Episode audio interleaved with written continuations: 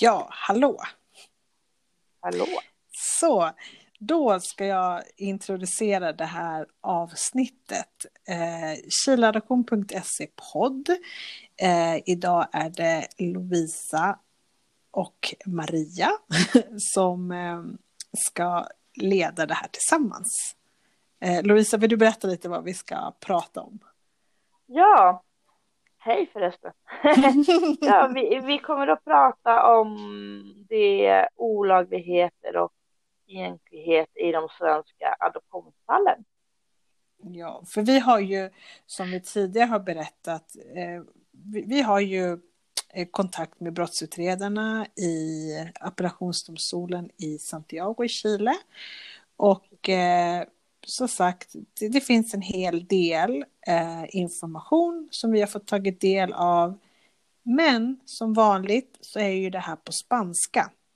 Eh, och eh, så jag och Lovisa vi har suttit och tittat på de här dokumenten. Och vi tänker så här, vi är inte översättare. Eller hur? Ja, eh, men, nej, vi, så, men vi har gått igenom det och vi ser att det skulle vara viktigt att dela med av den här informationen som finns här. Eh, och vi kommer då, som, som du sa Lovisa, kommer prata mm. om den informationen som finns och det är inte någon direkt översättning utan Nej. prata kring det här. Eh, ja, så att vi kör igång. Vi kör igång. Mm. Jo, jag kan också tillägga att det här eh, är från 2019. Mm. Eh, men det är fortfarande lika aktuellt nu som, som då. Eh, ja, vill... Eh, jag vet inte Lovisa förresten, som mm. dokumentet börjar ju med juni 2014. Var du, var du medveten om det, det som kom upp, framkom i Chile då på den tiden? Uh, ja, nej, ja, jag hade precis börjat veta tror jag. Mm. Det som hade skett i Chile. Uh, för det var ungefär då jag uh, kom in, eller hittade i José del Silencio. Mm -hmm. Och då började jag komma in i det som hade hänt. Ja, för när jag har läst på så här um, i efterhand, för jag visste ingenting 2014. Mm. Uh, men, men, men vad jag förstod så var det en, en skandal, det var en katolsk präst som hade mm. varit inblandad i att barn försvann från unga mödrar och adopterades inhemskt i Chile. Mm. Um, precis som i ditt fall. Ja, ehm, precis. Så, så, så det var en stor skandal och mm. eh, man började liksom kika på det här. Som du sa, Hijos Madre startades och man började vet du det, eh, organisera sig i Chile. Mm. Ja, precis. Eh, och det, som det stod i den här rapporten då 2014 så mm. då, hade man, då, då hade man då sett de första fallen då som har med barnaro eh, att mm. göra på olika chilenska statliga institutioner. Både statliga och privata. Ja. Eh, och, och, och, mellan då 73 och 90. Men det var, de hade inte tillräckligt att gå på vad jag förstod.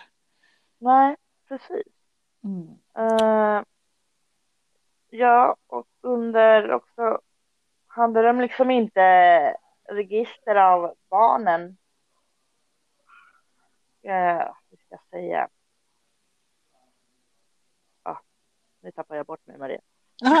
det, är ingen fara. Nej, men för, för, för, för, i Sverige, som sagt, det här var ingen, det var ingen skandal som kanske nådde ända fram till Sverige. Men Nej. 2017 så, ja. så, hade, så hade man... Så en register över barn som hade lämnat landet. Ja, för adoption. Precis, för där hade man då gjort en husrannsakan, bland annat hos Telma Uribe som var socialarbetare. Och, eh, och vi pratade om det här. Hon hade varit chef för den här institutionen, myndigheten. Vi har inte riktigt klart för oss vad det var, men så kallades Nej. Casa Nacional del Niño. Precis. Eh, men och jag, hade... tror att, ja. jag tror inte att det var eh, jag tror inte att det var något här barnhem, men eh, någonting var det ju, men inte barnhem. Jag tror det är bara där de liksom barn togs emot för att sedan liksom bara adop adoptera vidare liksom. Mm, precis. Uh, Som någon typ av mellan, för vi vet ju att... Mellan, ja sådana mellanlandning liksom. om man kan, eller, ja, eller man ska säga så. Ja. För vad, för vad det nu står i den här rapporten vi har så står det att eh, liksom man hade tagit det här eh, man har hittat jättemycket namn på barn eller fall där barn då mm. hade lämnat Chile för att adopteras i utlandet. Eh, hos Telma Uribe och det är hon som har den här adressen Monsignor Müller 38 i Santiago. Mm. Eh, och hon jobbade såklart för Casa Nacional de Niño men hon, hon frilansade också kan man säga och hennes ja, specialitet som det står var internationella adoptioner. Adoption, ja. exakt.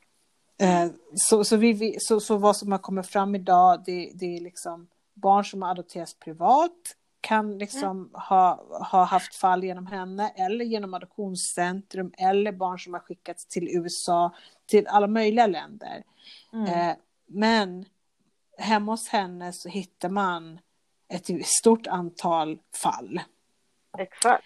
Eh, och det var ju liksom fall redan från 1974 fram till 1982 va? Ja, och 371 fall där ja. Anna Maria Elmgren för Adoptionscentrum då hade varit del i, tillsammans med Uribe, Telma Uribe, att barn i Chile skulle skickas till Sverige för att adopteras. Eh, och eh, som sagt, de hittade mycket information i olika, de kallar det för böcker med information om, det, om oss barn. Mm. Eh, anteckningar och så vidare. Och sen har de tittat på det som finns, som fanns hos Telma Uribe och så har de liksom kört uppgifter, det som har fått ut från det här har de kört och kollat i folkbokföringen och den här, um, de kallar det för identifieringstjänsten. Jag antar att det är den här Nombre Ruti Firma, eller? Ja, det, det kan jag tänka mig att det är, mm. absolut. Och då har man ju upptäckt att liksom, vi barn som lämnade Chile, till exempel med svenska namn, det har liksom inte varit det, det, det, var väldigt lätt att hitta oss i registret. Ja. Eh, har de sett. Men om vi tittar på sidan två, eller ja, det var jag mm. som gjorde sidan två, så, så har de mm. liksom gjort en, en väldigt gedigen och lång lista på olika typer av oegentligheter då i våra svenska fall utifrån det här de hittade hos Telma Uribe. Eh, och eh, de pratar, eh, jag vet inte om du vill om vi ska ja, här, titta här. Ja, alltså här står det ju liksom att 34 procent av mm. eh, är ju mödrar som är minderåriga. Mm. Som de har liksom tagit. Eh, för majoriteten var liksom under 21 år. 21 år. Mm. Så, så, så att, Precis, och då, då, vet, då vet ju vi, men Lovisa, du har också tittat på många, många fall från liksom, mm. svenska fall. Eh, jag kan alltid relatera till mitt eget och de fallen jag har sett. Och många gånger så står det ju i papperna att man hade en ung mamma.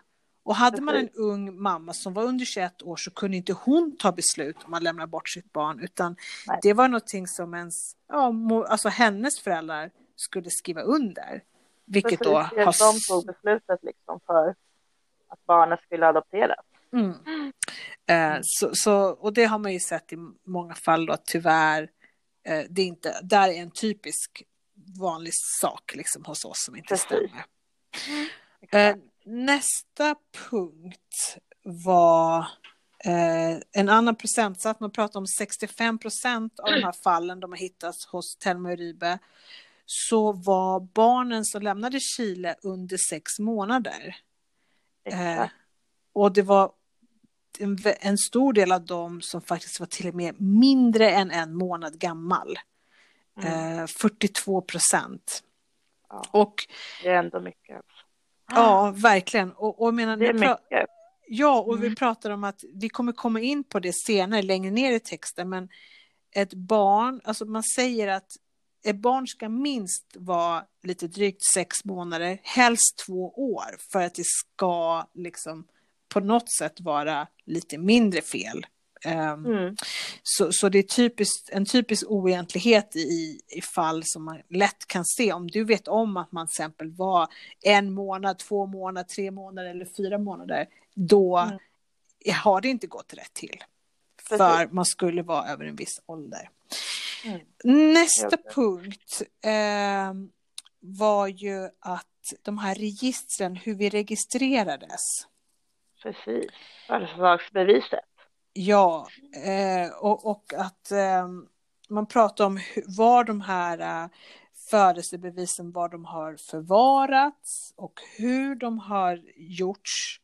Eh, det kommer vi också mer på specifikt, eller hur, längre ner, där vi kommer in på ja, vem precis. som gör det och hur och så. Ja. Men, men, men, men att man pratar om att det normala var ju att ens föräldrar registrerade en. Och så mm. fanns det extraordinära situationer. Och då kanske det var någon då vittnen som fick registrera. Men det normala var ju att någon i familjen gjorde det. Ja. Eh, ja. Sen kan det också vara så att det har liksom varit eh, personer som har, där barnet har fötts, att de har registrerat barnet också som läkare och, och så vidare. Mm, det har också skett. Ja, så det finns ju många, jag vet det, det finns ju varianter på det fast det var ju egentligen mamman som skulle, eh, eller föräldrarna som skulle göra det. Absolut. Eh, och sen så pratar vi då om på nästa punkt så pratar man att 38,81 procent av barnen eh, då registrerades utan att man eh, skrev ut mammans eller pappans namn. Mm. Fast man visste, för att i andra papper så skriver man mammans namn, men inte på själva födelsebeviset. Och, och ja. de skriver här att 3,5 procent av då fallen, då visste man inte liksom, vem mamman eh, var. Nej, men. Eh, det var liksom en ovanlighet att man inte visste vem mamman var, men man lät helt enkelt bli att skriva mammans namn i, i födelsebeviset. Eh, så det var ju en annan sak. Och sen så pratar man, vi vet också det här med att eh, om ens föräldrar då bodde i en viss kommun eh, mm. och då att man Eh, vad heter det, delivered, man vet det, födde barnet då på ett sjukhus. Då man ska liksom bo folkbokföras där man hörde hemma. Precis. Eh, men som har kommit upp i många samtal här i, i, i gruppen, liksom, när vi har träffats mm. och pratat, så har vi insett att det är väldigt många som är registrerade, till exempel i Padelas Casas, eh, Lautaro och andra mm. ställen där inte familjen I Santiago har... också, eller hur? Ja, precis. Ja. Santiago, absolut. Det är jätte, ja. jättemånga. Ja, det är som... ganska många. Ja, har jag så... hört att det är. Va? Precis, så, så, så mm. att man upptäcker, man går och tror så ja men jag är från, ja också Rancagua förresten, ja men jag är från, från det här stället i Rancagua eller jag är från Padelas Casas. Men sen när man undersöker det här och får reda på ens historia så visar det sig att det inte alls stämde. Eh, men då har, de, då har liksom den här personalen på folkbokföring varit en del i systemet att få ut barn från landet. Så det var ju det, var ju det det handlade om. Men, men att eh, eh, ja, nu ska vi se. Sen så kommer vi till nästa siffra. Det var 91,91 procent av fallen då från Telma Ribe där man, det du sa, eh, mm där man liksom, där, även om man inte var från Santiago så har ens fall gått igenom barnavårdsdomstolen där. Precis. Eh, och att man liksom har då, barnen har rest in från eh, där man är född in i, i Santiago och registreras där fast man kom från en helt annan stad. Eh, och det är ju inte heller precis för att, för att eh, rekommendationerna och lagen var att man skulle registreras där man hörde hemma. Ja.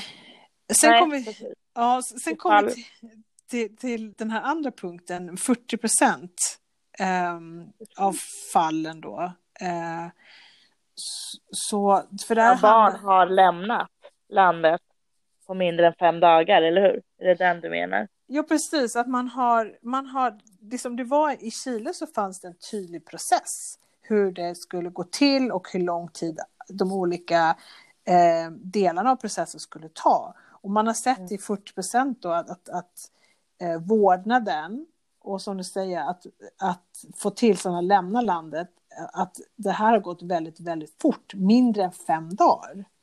Eh, men om, om, eh, om man ser på hur det gick till, hur det skulle gå till, så skulle eh, ett barn, eh, om det var liksom så att ett, en familj behövde hjälp med eh, barn, ett barn som man hade inte kunnat ta hand om, så fick man söka upp en socialarbetare. Och mm. socialarbetarna gjorde en rapport, en, en, en eh, socialutredning. Eh, och då, från att man har gjort den, det datumet, så ska det gå en viss tid och det är fyra månader. Innan man kan ta det här till domstol för att någon annan ska begära vårdnaden. Till exempel fosterföräldrar i Sverige som ska adoptera längre fram. Eh, men istället för att det har tagit de här fyra månaderna så, så är det fem, fem dagar och mindre. Och jag vet nedanför, eller hur Louisa, så har vi till och med antal fall och hur många dagar de har tagit och hur fel, ja, hur, att det inte har gått rätt till helt enkelt. Ja, ja, absolut. Um, så för då kommer vi ner på nästa punkt att, att um, nu ska vi se. Um, och det här, det här, den här processen då som, som man, man hade, eh, liksom, det var ju, eh, vet du, Uribe, eh, då som, eh, vad ska man säga, som, ja men hennes ansvar liksom. Eh, men, men Adoptionscentrum, eh, liksom, hon, hon var inblandad i starten men Adoptionscentrum fortsatte att arbeta på samma sätt efter att Uribe slutade. För hon slutade när slutade hon? Jag hade skrivit upp det 82. 1982 ja. Eh, så, så, så, var inte Uribe inblandad längre, utan då var det bara eh, adoptionscentrum. adoptionscentrum. Mm. Eh, och som, som eh, brottsutredarna skriver så, så var det ju 2021 barn då mellan 71 och 92 som lämnade Chile. Mm. Och sen blev det en annan eh, socialarbetare inblandad i det här. Eh, Esmeralda Quesada. Som också mm. hade massa dokument från adopterade då som skickades till, eller med barn då som skickades till Sverige för att adopteras. Mm. det här är så långt stycke, hela den här. Ja, det är riktigt mycket. Mm. Men de nämner 630 fall som har då eh, 630 fall av barn, barn eh, chilenska barn. Som har gått ut innan. De har adopterats. Ja, eh, i, i, Sverige då. Och man säger att i hälften av de här 630 fallen så, så har man liksom inte koll på hur lång processen var.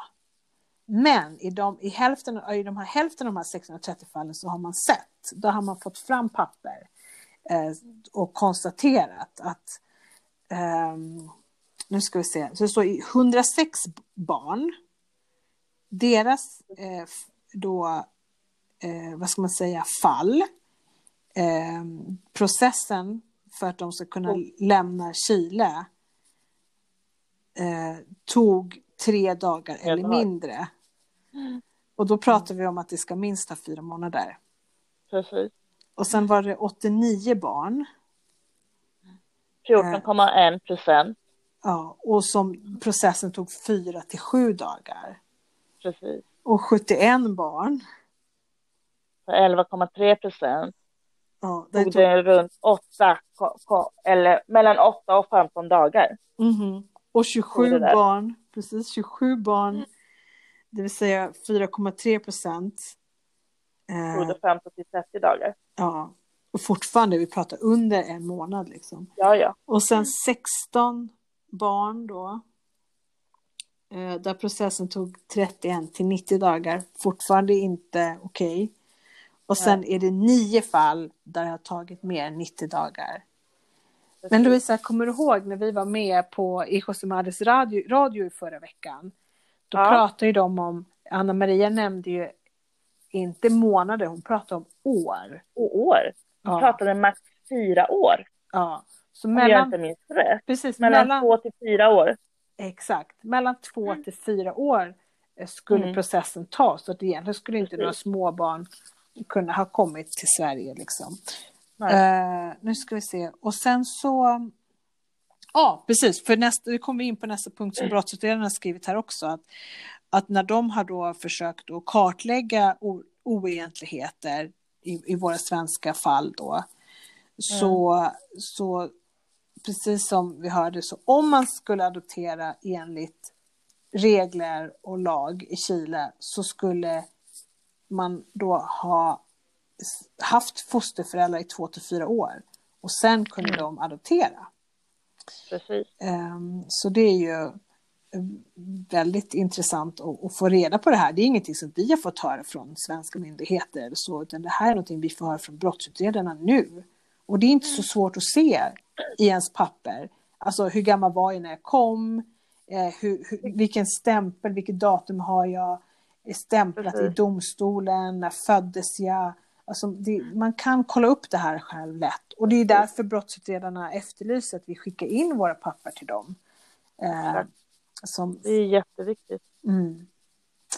Precis, så, så, så, och det här står uttryckligen att processen inte kan vara kortare än fyra månader och oftast så är processen mycket längre från socialutredning startar tills man kan ta beslut i domstol att få fosterföräldrar. Och nästa steg var två till fyra år när man väl ska adoptera. Ja. Nästa punkt vet jag att vi pratar mycket om också. Ja. det var också, vad sjutton var det där nu? Det har också ju med själva um, att man helt enkelt inte har informerat liksom våra första föräldrar, eller det jag kallar det för biologiska föräldrar, första föräldrar, vårdnadshavare, alltså våra föräldrar i Chile har inte fått information om att man har tagit domstolsbeslut på att vi ska lämna landet. Nej, precis. Eh, och att man också har utfärdat ett intyg som har med själva utresan från Chile, eh, det har också utfärdats utan att vårdnadshavaren i Chile vet om det här eller har godkänt. Nej, och, och, det vet inte för det tycker jag man, man Louisa, du som också har pratat med många föräldrar och hjälpt till och tolkat att många mm. gånger tycker jag att, att, att föräldrarna i Chile uttrycker det ganska tydligt att de inte har vetat var deras barn har befunnit sig. Nej, precis det är så. Alltså, det är ju jättemånga mm. som inte vet vad barnen är och att de har liksom, de flesta har ju liksom lämnat sina barn för tillfället, mm. för en stund, mm. eh, för några månader och sen har de ju kommit tillbaka för att hämta sina barn och så har de liksom blivit bortadopterade. Mm. Precis. Det, så, så det, ja, och, och tänk alltså vilket, alltså Alltså vilket, vilket alltså menar du är mamma, jag är mamma och, och liksom tänk om någon skulle liksom gå in, ja, när man lämnar sitt barn på dagis eller i skolan och sen kommer och hämtar så är de borta. Och man har Nej. ingen aning om vad de har tagit vägen. Och hur sjutton var det möjligt att, att vi kunde lämna Chile utan att våra föräldrar fick reda på det? Liksom. Det är helt ja. alltså, omänskligt vad man har utsett ja, ja. människor Absolut. för. Och sen står det ju vidare här att Adoptionscentrum fortsatte med det här arbetssättet, hur man tog ut barn, inte informerade, processen gick snabbt. Att man, precis mm. som det stod ovan, utan då att Telma Uribe var inblandad efter 1982, men man använde samma tillvägagångssätt. Mm. Och det var inte bara Adoptionscentrum, utan också andra grupper. Precis det kunde varit kyrka, kyrkor eller advokater och så vidare som, som också ägnar sig åt att ja, ta ut chilenska barn ur Chile och som kunde adopteras i olika länder. Um, och sen kom vi in på nästa punkt uh, som de tar upp att det här med födelsebevisen. eh, att de har, brottsutredarna har sett, speciellt i mm. svenska fall, eh, att till och med innan barnen har fått tillstånd att lämna landet för att adopteras i Sverige så har man gjort ett nytt födelsebevis, ett nytt födelsecertifikat eh, med ett mm. svenskt namn.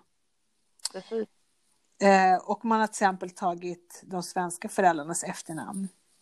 Mm. Eh, och så. Och menar, vad betyder det här? Ja. Ehm, och, och då försöker ja, brotts, brotts, ja, brottsutredning har ju försökt att liksom titta på det här och vad man har sett. Eh, för det var någon regel där, eller hur? Eh, hur ja. man skulle registrera. Eh, alltså normalt. normalt. Om, om... Normalt, exempelvis om fadern.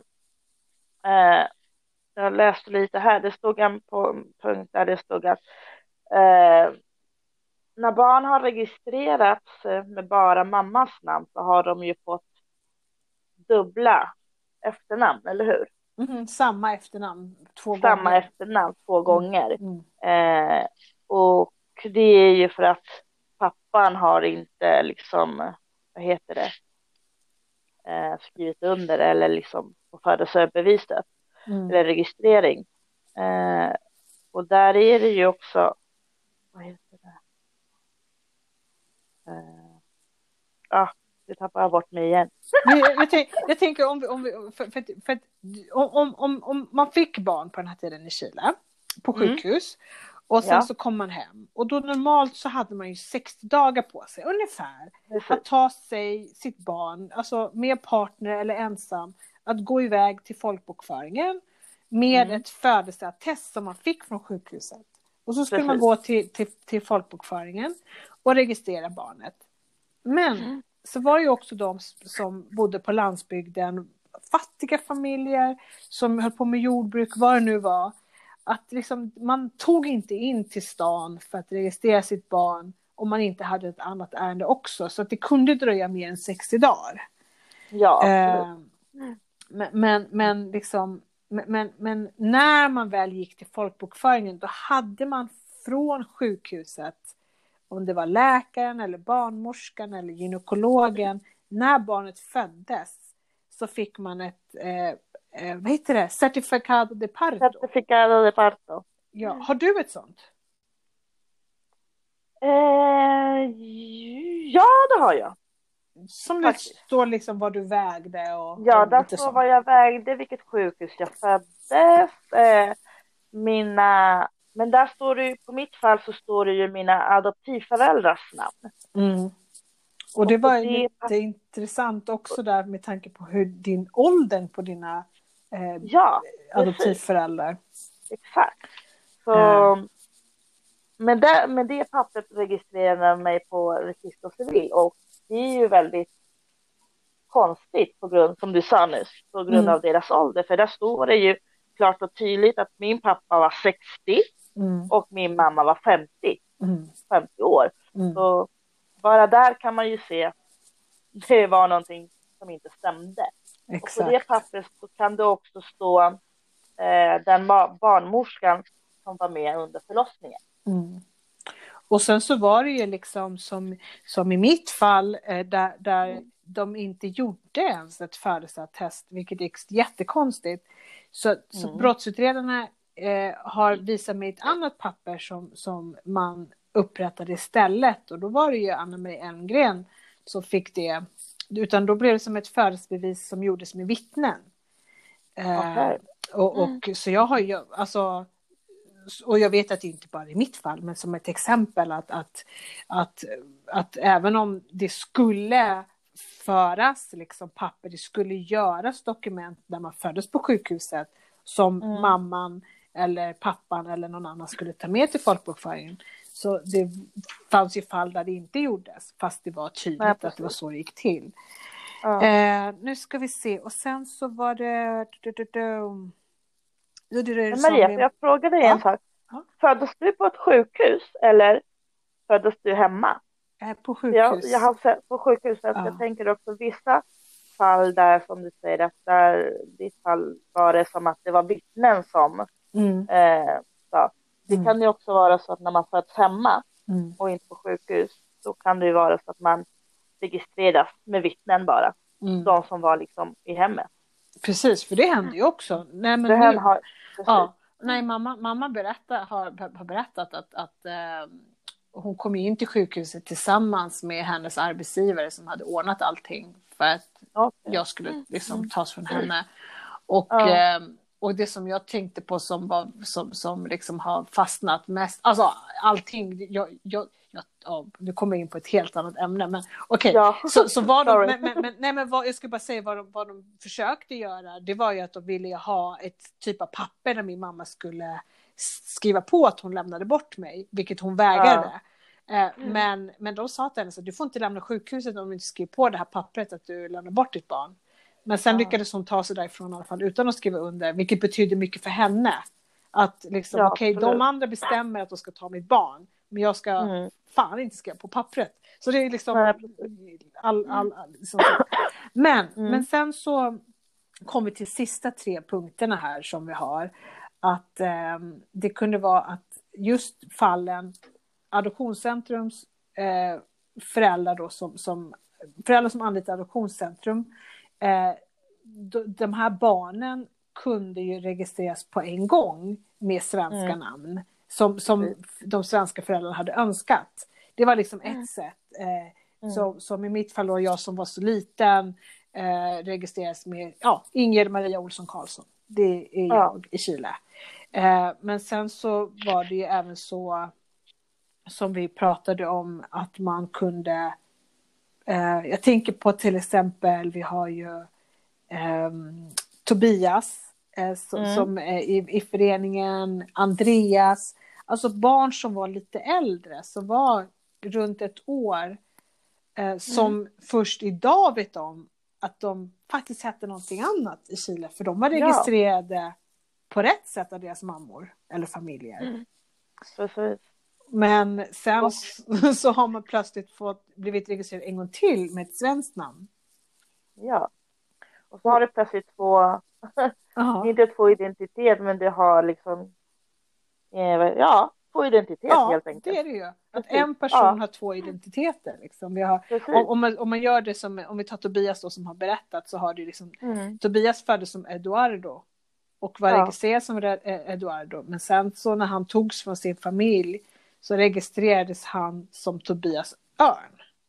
Mm. Så han har ju verkligen två identiteter. Och, ja. och som brottsutredarna, det pratar vi också, brottsutredarna här har ju sagt att det behöver inte betyda att hel, allting är jätteolagligt liksom för att man har ett svenskt namn. Men det är viktigt att brottsutredarna får ens papper så de kan processa det här och undersöka och, och liksom se till enskilda fall. Precis, Precis. samma sak med dubbel identitet. Att, att de måste få in papperna så de kan undersöka vad är det som har hänt i just det här fallet.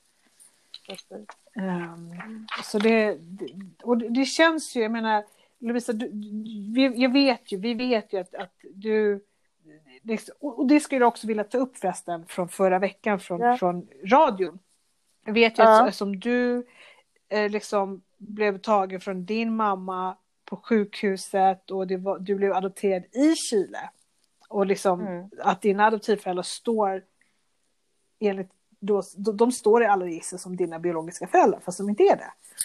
Eh, så, så, det kallades för någonting. Det var ett spanskt, jag tänkte att det var... Ja, lite, ja. Eh, ja det skrev jag upp faktiskt. Apropiados. Ja. Adopciones apropiadas.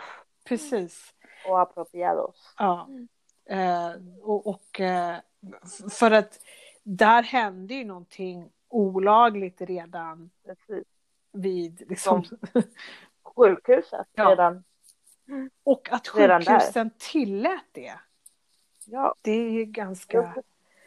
Ja, men då tänker jag, det måste man ju ha haft liksom någon slags ja, kontakt med någon sköterska som var vän med någon och, och så vidare kan jag tänka mig.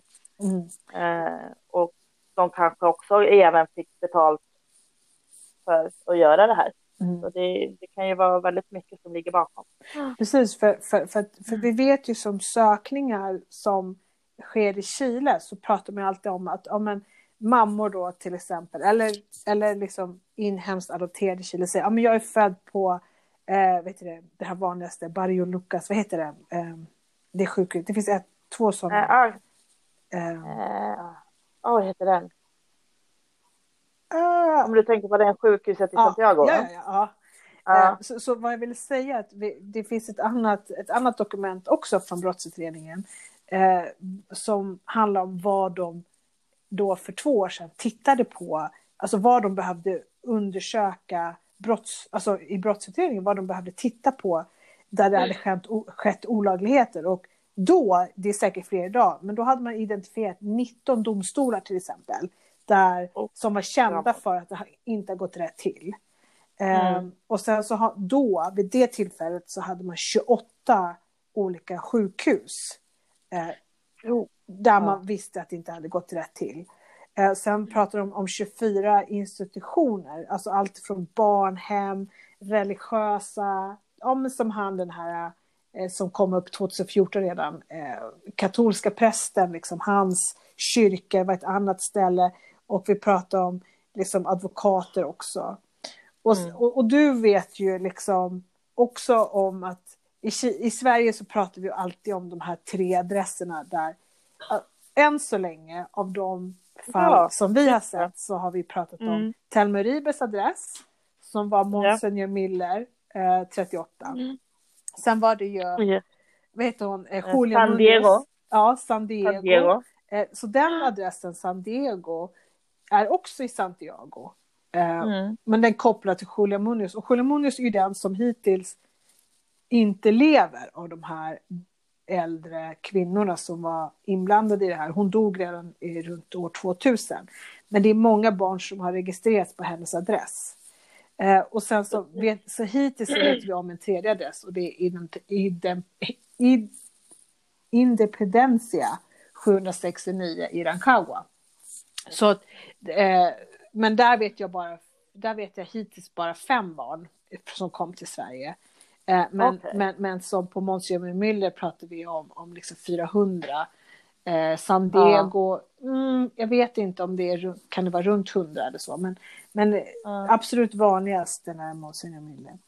Eh, men brottsutredningen hade 72 adresser till socialarbetare, hotell och andra ställen där man har folkbokfört barn som ska lämna landet. Mm.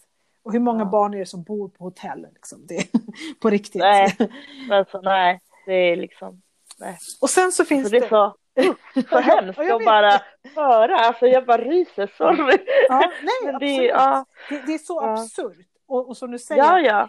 Det, det, känns så fel i hela ryggmärgen. Men det har Absolut. accepterats. Det accepterats. Ja. Alltså, som, som, jag beskyller inte mina föräldrar i Sverige för någonting. Eh, nej, för men, men, men liksom... det kan man ju inte göra för de visste ju inte heller det som har liksom skett, var barnet kom ifrån. De trodde ju säkert att de litade väl på Adoptionscentrum mm. de gjorde sitt jobb. Liksom, de skulle aldrig förvänta sig eller tro att de skulle eh, stu, eller vad heter det, ja. ta ett barn från en familj utan Nej, att precis. fråga eller dödsförklara liksom, mm. ett barn och adoptera det vidare. Liksom. Det, Nej, och ja. då kommer vi in på nästa punkt. Och, och liksom, det är de som, som brottsutredarna har tagit upp som en, en, en, viktig del här. Det är de som kallas för captadoras och guardadoras. Eh, precis, jag läste en, hand om barnen. Precis, och jag läste om Captadoras en artikel i tidningen mm. här eh, i Chile där, där eh, brottsutredarna pratar om att de var ungefär 26-27 Captadoras, alla kvinnor som var del i att gå ut och få tag i barn oavsett bakgrund, men som kunde mm. tas för att adopteras till utlandet. Och tänk dig det så här, ja men ja, vad jobbar du med då? Nej men jag jag tar barn. Alltså, tänk dig, alltså, vad jag inte förstår, och jag vet inte om du har tänkt på det också, men varför ja. är det så många kvinnor i det här? Varför är det socialassistenter kvinnor, domare mm. kvinnor, eh, de här captadoras kvinnor? Varför har så många kvinnor varit inblandade i att ta andra kvinnors barn.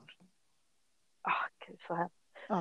Eh, Det, ja, jag vet inte. nej, det, det, finns har- inte, det finns ett svar, men, men, men vad jag känner det är liksom så här, Ja, herregud, kan- man själv har fått barn. Hur kan man ens Ja. tänka tanken att ta någon annan kvinnas barn? Och liksom, nej, det har man ju inte. nej. Och, och, och, liksom, och, och man, man tänker så här, man borde ju finnas någon typ av empati eller känsla för andra kvinnor, men det här visar ju på motsatsen på något sätt. Oh ja, Jag totala förstår, motsatsen. Precis, jag förstår ju att det var liksom en, en eh, där, när flest, när det här var vanligast, liksom den tidsperioden, Mm. såklart under diktaturen, det var en annan tid, en annan, ett annat samhälle. Men det, har ju, Mm. det började ju redan, vad de vet om, på 50-talet. Oh ja. Och Ja. vad, jag, vad jag har hört, för det, den, det året, den, den siffran fast hos mig, man säger det sista, sista man har hittat är 2004. Och Mm. då blir man så här, shit, min äldsta son är född 2004. Hade han fötts i Chile så skulle någon kunna ha tagit honom 2004. Alltså, Oh ja. det, det, det är liksom, det, det är så läskigt och det känns så nära när man liksom det är klart man säger, ah, men det där hände ju, det är många som säger det, som adoptionscentrum, men det hände för så länge sedan, vi hade ingen Ja. koll, det var 40 år sedan, det var 30 år sedan. Men, Mm. men det är ändå liksom, gör det det? 2004 är det ändå liksom, man kan ha koll på läget Ja, och på situationerna. ja. och Nej. klart, jag vet, det barnet skickades ju inte till, till Sverige, men jag menar ändå att, att liksom, det är inte så långt bort i historien. Liksom. Nej, nej. Och, och menar, Adoptionscentrums kvinna, kvinna i Chile Ja. liksom, som var en väldigt aktiv del i att 2000, mer än 2000 barn lämnade Chile. Och, och liksom, nej det, det är faktiskt, inte för att det, det är mer fel än om en man gjorde, män var också inblandade i det här. Men, men, men när, när till exempel du, du, vi känner ju båda två, till exempel Jeanette Velasquez i Temuco Mhm. som, som liksom hittar familjer och hjälper Ja. till. ehm, och så. Men, men hon skickade mig en bild på den socialassistent då, som hade varit den som, som tog, mig, äh, tog mig från min Mm. mamma. Och så blev jag så här, ja, jag fick se henne och man bara, "Ugh", du vet, jättearg Ja, ja. ser bilden liksom. Ja, Eh, men, men, men samtidigt så, så blir jag så fascinerad över att det är liksom min mammas kvinnliga arbetsgivare som gör det här tillsammans med den här Mm. kvinnliga assistent, socialassistenten, tillsammans med den kvinnliga domaren, tillsammans med Adoptionscentrums kvinna i Chile. Alltså det Ja, avskyvärt helt enkelt. absolut. Ja, ja. Eh, Och, och så säger nu skrattar jag, men jag tycker bara att det är så otroligt hemskt. Hur ska man reagera liksom? Det, ja. Det är helt sjukt. Ja, och, och, och, jag menar, och så kommer vi till det här igen. Nu har vi gått igenom, precis som vi sa i början, vi har gått igenom ett dokument från brottsutredarna som handlar om oegentligheter och olagligheter i, nu blev det ju de svenska fallen då. Mm. Men det här har vi liksom på, på spanska. Vi Ja. måste ha det här på svenska. Det, det är, de tar upp 630 fall. 630 barn som liksom har de här felaktigheterna bland sina dokument. Och inte för att jag säger så här, ah, är det bara två, är det bara tio, är det bara hundra? Alltså, nej. Nej. Varje fall, precis. Jag menar, ehm, liksom, och, och precis samma sak, ditt fall, det som hände dig är precis lika viktigt som liksom, vad som hände någon annan, fast det hände på lite Absolut. olika sätt. Men man måste ju då på något sätt, för det jag tycker är bra ehm, med liksom med, med, med dig och din kunskap och erfarenheterna du har. För du har ju mycket Ja. mer inblick i de inhemska adoptionerna i Chile, vad som var fel Ja. där. Eh, Det är ju för att då får man ju en större bild av vad som hände, vad som pågick i Chile. Eh, och liksom, det handlar inte om, inom situationstecken, bara om 50 barn. Det handlar inte om bara om 100, 600 Nej. eller 2000. Vi pratar om 20 000 som skickas till utlandet. Men alltså, Ja. vad, hur många kan det handla om? Alltså vi kan bara gissa. Många, hur många fall handlar det om som ditt fall? Ja, alltså det kan ju vara hur mycket som helst. Ja. Eh, ja, flera tusen. Ja. Det, det är ju säkert tiotusentals fall där också. Och jag tänker liksom ja, att, att... Om inte mera. Exakt. Och, och det här mm. handlar, och det tror jag har pågått mycket längre tillbaka i tiden. Liksom. Ja, eh, men, men, men, liksom, och då måste man ju ändå i Sverige på no, någonstans bara, typ, får man inte ett slag i ansiktet och fatta att det här var systematiskt. Det här var mm. övergrepp som begicks och det var en del av vardagen i Chile. Och ja. varför har liksom Sverige då tagit emot så många barn utan att liksom ställa några frågor? Det kan jag inte förstå. Och vi har ju pratat om den här exempel, parlamentariska utredningen som finns översatt till svenska där man också förklarar så här var det i Chile, så här såg det ut, de här var inblandade. Mm. Det måste man ju förstå allvaret i även i Sverige. Ja. Att liksom om domstolar ja, undersöks. ja, ja. Det, det, är ju alltså, inte Det någon... är ju allvarligt. Liksom. Mm. Det är dags. Sverige måste vakna. Ja. Tycker jag. Precis. Är det dags och, och, och, jag menar, jag vet ju att du, både du och jag har, har ju liksom försökt kontakta till exempel svenska adopterade i Sverige där föräldrar mm. i Chile letar efter dem. Som ja. inte vill, inte orkar få reda på ja. var, de kommer ifrån. Mm. Men om man, tänker, om man ska tänka lite solidariskt att om mm. alla personer, oavsett om man vill veta mer om sitt fall, oavsett om man liksom om man inte bryr sig, och så vidare. men om man i alla fall tar ansvaret för att ta fram sina dokument och skicka in till brottsutredningen så kan det hjälpa andra.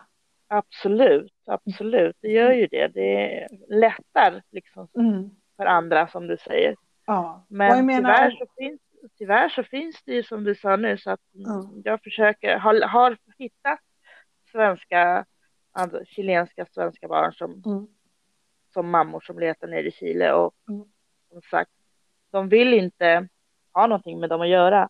Mm. Men, eh, Men då, då kan, samtidigt kan man tänka så här, då undrar jag också, vad har de fått med sig för historia?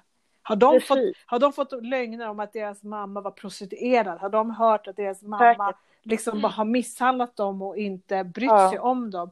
Och, och det är det som också, det är därför som vi har liksom nu med podden försöker läsa in och samla mm. in svenska adopterades brev de har fått från AIA eller chilenska mm. socialassistenter. För att se, liksom, för att ge bild av det här var det som hittades på. Och det är så mm. otroligt grymt. Att man ska behöva gå runt och tro att ens mamma var prostituerad och absolut inte brydde sig om mm. dig, liksom, äh, mig, liksom. Ja. Alltså fruktansvärt. Men det är klart att man inte vill leta eller har Nej, liksom, det, det kan, jag kan ändå förstå någonstans, men, men jag tror att det verkligen måste komma från våra politiker, myndigheter, alltså det måste komma från regeringen att det här, vi, i Chile har man sett det här, att det inte gått rätt till, det här har gjorts, mm. det här görs, en brottsutredning mm. görs, eh, mm. politisk utredning har gjorts, mm. Och att man liksom faktiskt tar ansvar och informerar och pratar med oss och våra mm. adoptivföräldrar som blivit totallurade. Mm. Uh, men, oh, ja. Det, det, men ja, vi får se. För det känns vi får se hur, vart vi kommer någonstans. Precis, för det känns ju ändå som någonstans att man ändå, jag förstår ju, och du har mycket mer insikt än vad jag har, men jag mm. förstår ju ändå att, att saker och ting det händer i Chile. Alltså, man, man har ju utredningen, politiker engagerar sig och vissa sätter sig helt emot, det förstår jag också. Men, ja, men, men liksom ändå att man börjar liksom lyfta på stenen, börjar, börjar prata om jobbiga saker som har inträffat under de här diktaturåren. Eh, mm. Eh, och man gör det i ett land som Chile, som ändå mm. var... Alltså mycket av det från diktaturen har, har ju liksom levt kvar till idag. Men i Sverige, att man inte har mm. modet att lyfta på stenar och faktiskt titta vad som har hänt. Det tycker jag är mm. väldigt svårt att förstå. För jag trodde liksom att Sverige var ett land eh, som man, liksom ett demokratiskt land där ja. rätt ska vara rätt och vi tar ansvar, vi bryr oss om våra mm. medborgare och vi bryr oss om andra medborgare.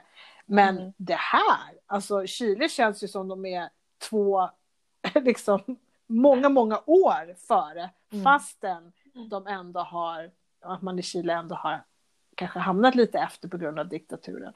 Så det, ja. det är faktiskt väldigt, det tycker jag är väldigt chockerande. Och du, jag kan tänka du som har ändå lite mer liksom, av dig i Chile um, ja. än vad jag har. Jag vet inte hur du liksom har, har, har funderat kring det här, men jag är, jag är faktiskt jättechockad över Sverige, måste jag säga. Och positivt. Jo, jag, också. Jag, jag är jättechockad att det inte att det liksom, de inte tar det här på, på allvar. Speciellt um, att de liksom, för mig är det som adoptions, nu, nu tar jag upp adoptionscentret. Ja. Jag tänker på den episoden som jag och Andreas har när vi var på mm -hmm. Malou efter tio där. Ja. När de liksom försökte liksom säga att det här var för länge sedan och det är liksom, det är mammor nu efter åren som har liksom ändrat på sina historier. För mig är det som att de vill tvätta sina händer. Liksom, mm. för här har ingenting gjorts. Mm. Allt har vi gjort lagligt, men vi vet ju mm. mycket väl mm. att det inte är så. Jag skulle, alltså, vad, jag skulle vilja se. Det finns så mycket bevis mm. på att mm. det inte är så. Bara det här som vi har läst ja, här. Ja, det är bara att titta på dokumentationen. Va, det är bara att titta på det. Och, jag, bara titta på det. Och jag menar, du har ju väldigt nära kontakt till många föräldrar i Chile som letar efter sina barn. Mm. Och tänk dig, alltså tänk om du skulle ha liksom, de här föräldrarna, vi säger, vi vet att det är tusentals, men vi säger att vi skulle ha mm. tio av de här föräldrarna som skulle få lov att ställa sina frågor och faktiskt bli människor för Adoptionscentrums personal. Både de som mm. var anställda förut och de som är anställda idag. Och de kan mm. se varandra i ögonen. Och jag skulle vilja höra från Adoptionscentrum att de säger att nej men ni hittar på. Ni har ja. ändrat historierna. Alltså, det skulle jag vilja att de säger i ansiktet till de här personerna, för det är riktiga människor som har förlorat sina Precis. barn. Och de lider. Alltså, oh, ja. otroligt. Otroligt mycket. Ja. Och det, och det är inte förvånande såklart. Alltså, att, det är klart att de lider. Nej, nej. Men, men, men, jag menar att det som är förvånande är att man har magen, det som det känns som har blivit Adoptionscentrums nya grej. Att liksom, mm. nej, barnen, eller mammorna, föräldrarna ändrar historierna och ja, nej, jag tycker det är så skamligt. Fy, ja, fy adoptionscentrum. Ja, verkligen. verkligen. Fy ja, nej, det, det, det känns så fel. Och att de får mm. lov att säga sådana här saker oh, ja. utan att någon myndighet reagerar, utan att någon annan säger ifrån. Mm. Uh, vi, vi skrev ju ett brev efter, till TV4 efter det här programmet. Uh, mm. Vi, vi um, har liksom tagit upp det här för det är någonting som är väldigt upprörande som hörs nu när vi pratar. Ja, ja. Men, men, men, men, liksom, nej. Um, och inget svar fick vi av nej, det heller. Nej, nej, nej. Inget svar. Ingenting. Nej. Mm. Och det som, och jag menar, för, för, för det var ju, jag, jag, som jag säger, alltså det, att när jag från det att jag insett att jag har blivit stulen då från, eh, från, från, min mamma och jag har fått hennes historia mm. och, och, du har fått dina pusselbitar men det saknas ju jättemycket fortfarande. Men, men oh ja. ändå, mm min sorg, min förlust, jag kan inte jämföra liksom, storleken på den, men när jag var i Chile första gången 2018 efter det här hade dragit igång, när jag hade fattat mm. det här och var där och träffade liksom de här mammorna och föräldrarna eh, mm. som berättar sina historier och, och som liksom då, det var då man liksom kunde på riktigt fatta deras smärta och förstå hur många det handlar om och alltså på ett, på ett helt annat sätt. Och det, oh ja, det är deras, det, deras, på något sätt, vi, vi delar ju en sorg med dem mm. eh, och vi kan ja. relatera till dem. Eh, men att fullständigt motsatsen att inte göra det, hur omänsklig kan man vara? Att man inte mm. delar det, att man inte på något sätt kan förstå. Det, det, det, det är otroligt. Uh, ja. Så ja, nej, nu kommer vi in på andra spår, men jag tycker det är viktigt att ja. jag faktiskt också nej, lyfter upp det här. Och, och jag tänker ja. att vi, vi, har ju pratat om att, som, menar, vi kommer ju göra fler sådana här samtal, du och jag, och vi har ju pratat om att lyfta mm. det här, berätta eh, flera eh, första föräldrar, alltså chilenska föräldrar, deras, deras historier. Historia, um, för det är viktigt. Och du gör det, vad, vad kallas den, den ja, podden? När du... Ja, precis. Ja. Jag kallar den eh, Las Madres del Silencio. Ja, de tystnade mm. mödrarna liksom. Precis. Eh, där, där du då läste in deras... Jag läser in deras historia. Mm. Som jag har, nu har jag läst in typ tre, en, två, fyra, fyra historier mm. av uh, olika mammor, mm. både mm. på svenska och spanska. Mm. Och, och även ett brev som uh, de en av familjerna skrivit till sin son. Alltså det var ju hemskt att bara läsa de här historierna. Mm. Alltså det bara det gjorde så himla ont i mitt hjärta. Mm. Och det var riktigt svårt att göra, mm. spela in dem där. Men mm.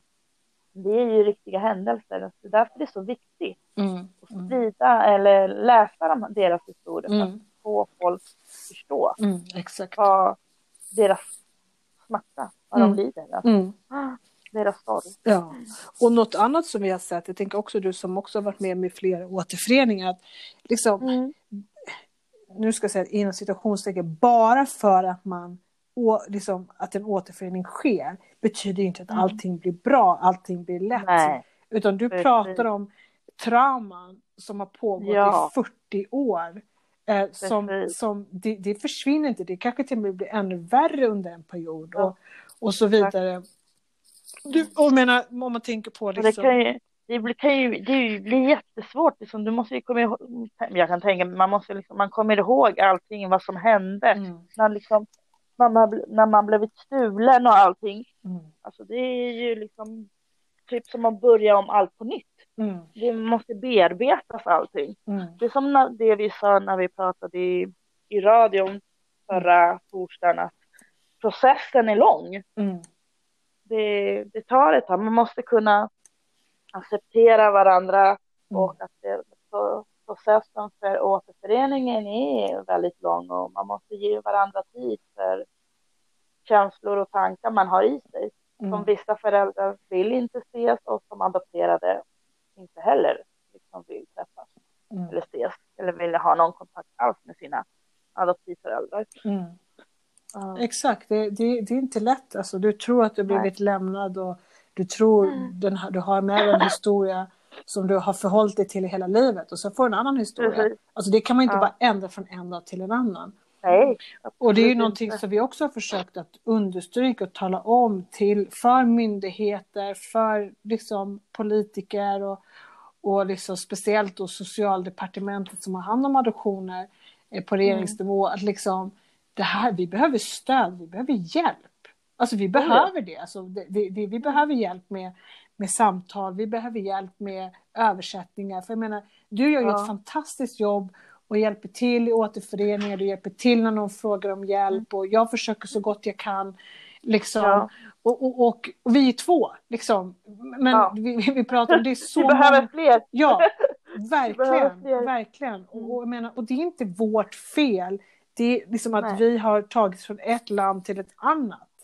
Eh, och Nej. behöver hjälp i översättning och mm. förstå. Eh, mm. och, och, att vi behöver få, få prata med någon. Alltså, vi är ju, som sagt, jag är ju snart 45 år och det här mm. med, med, med min historia, alltså jag har inte alla pusselbitar än, även om jag vet väldigt mycket så är det fortfarande små saker som saknas.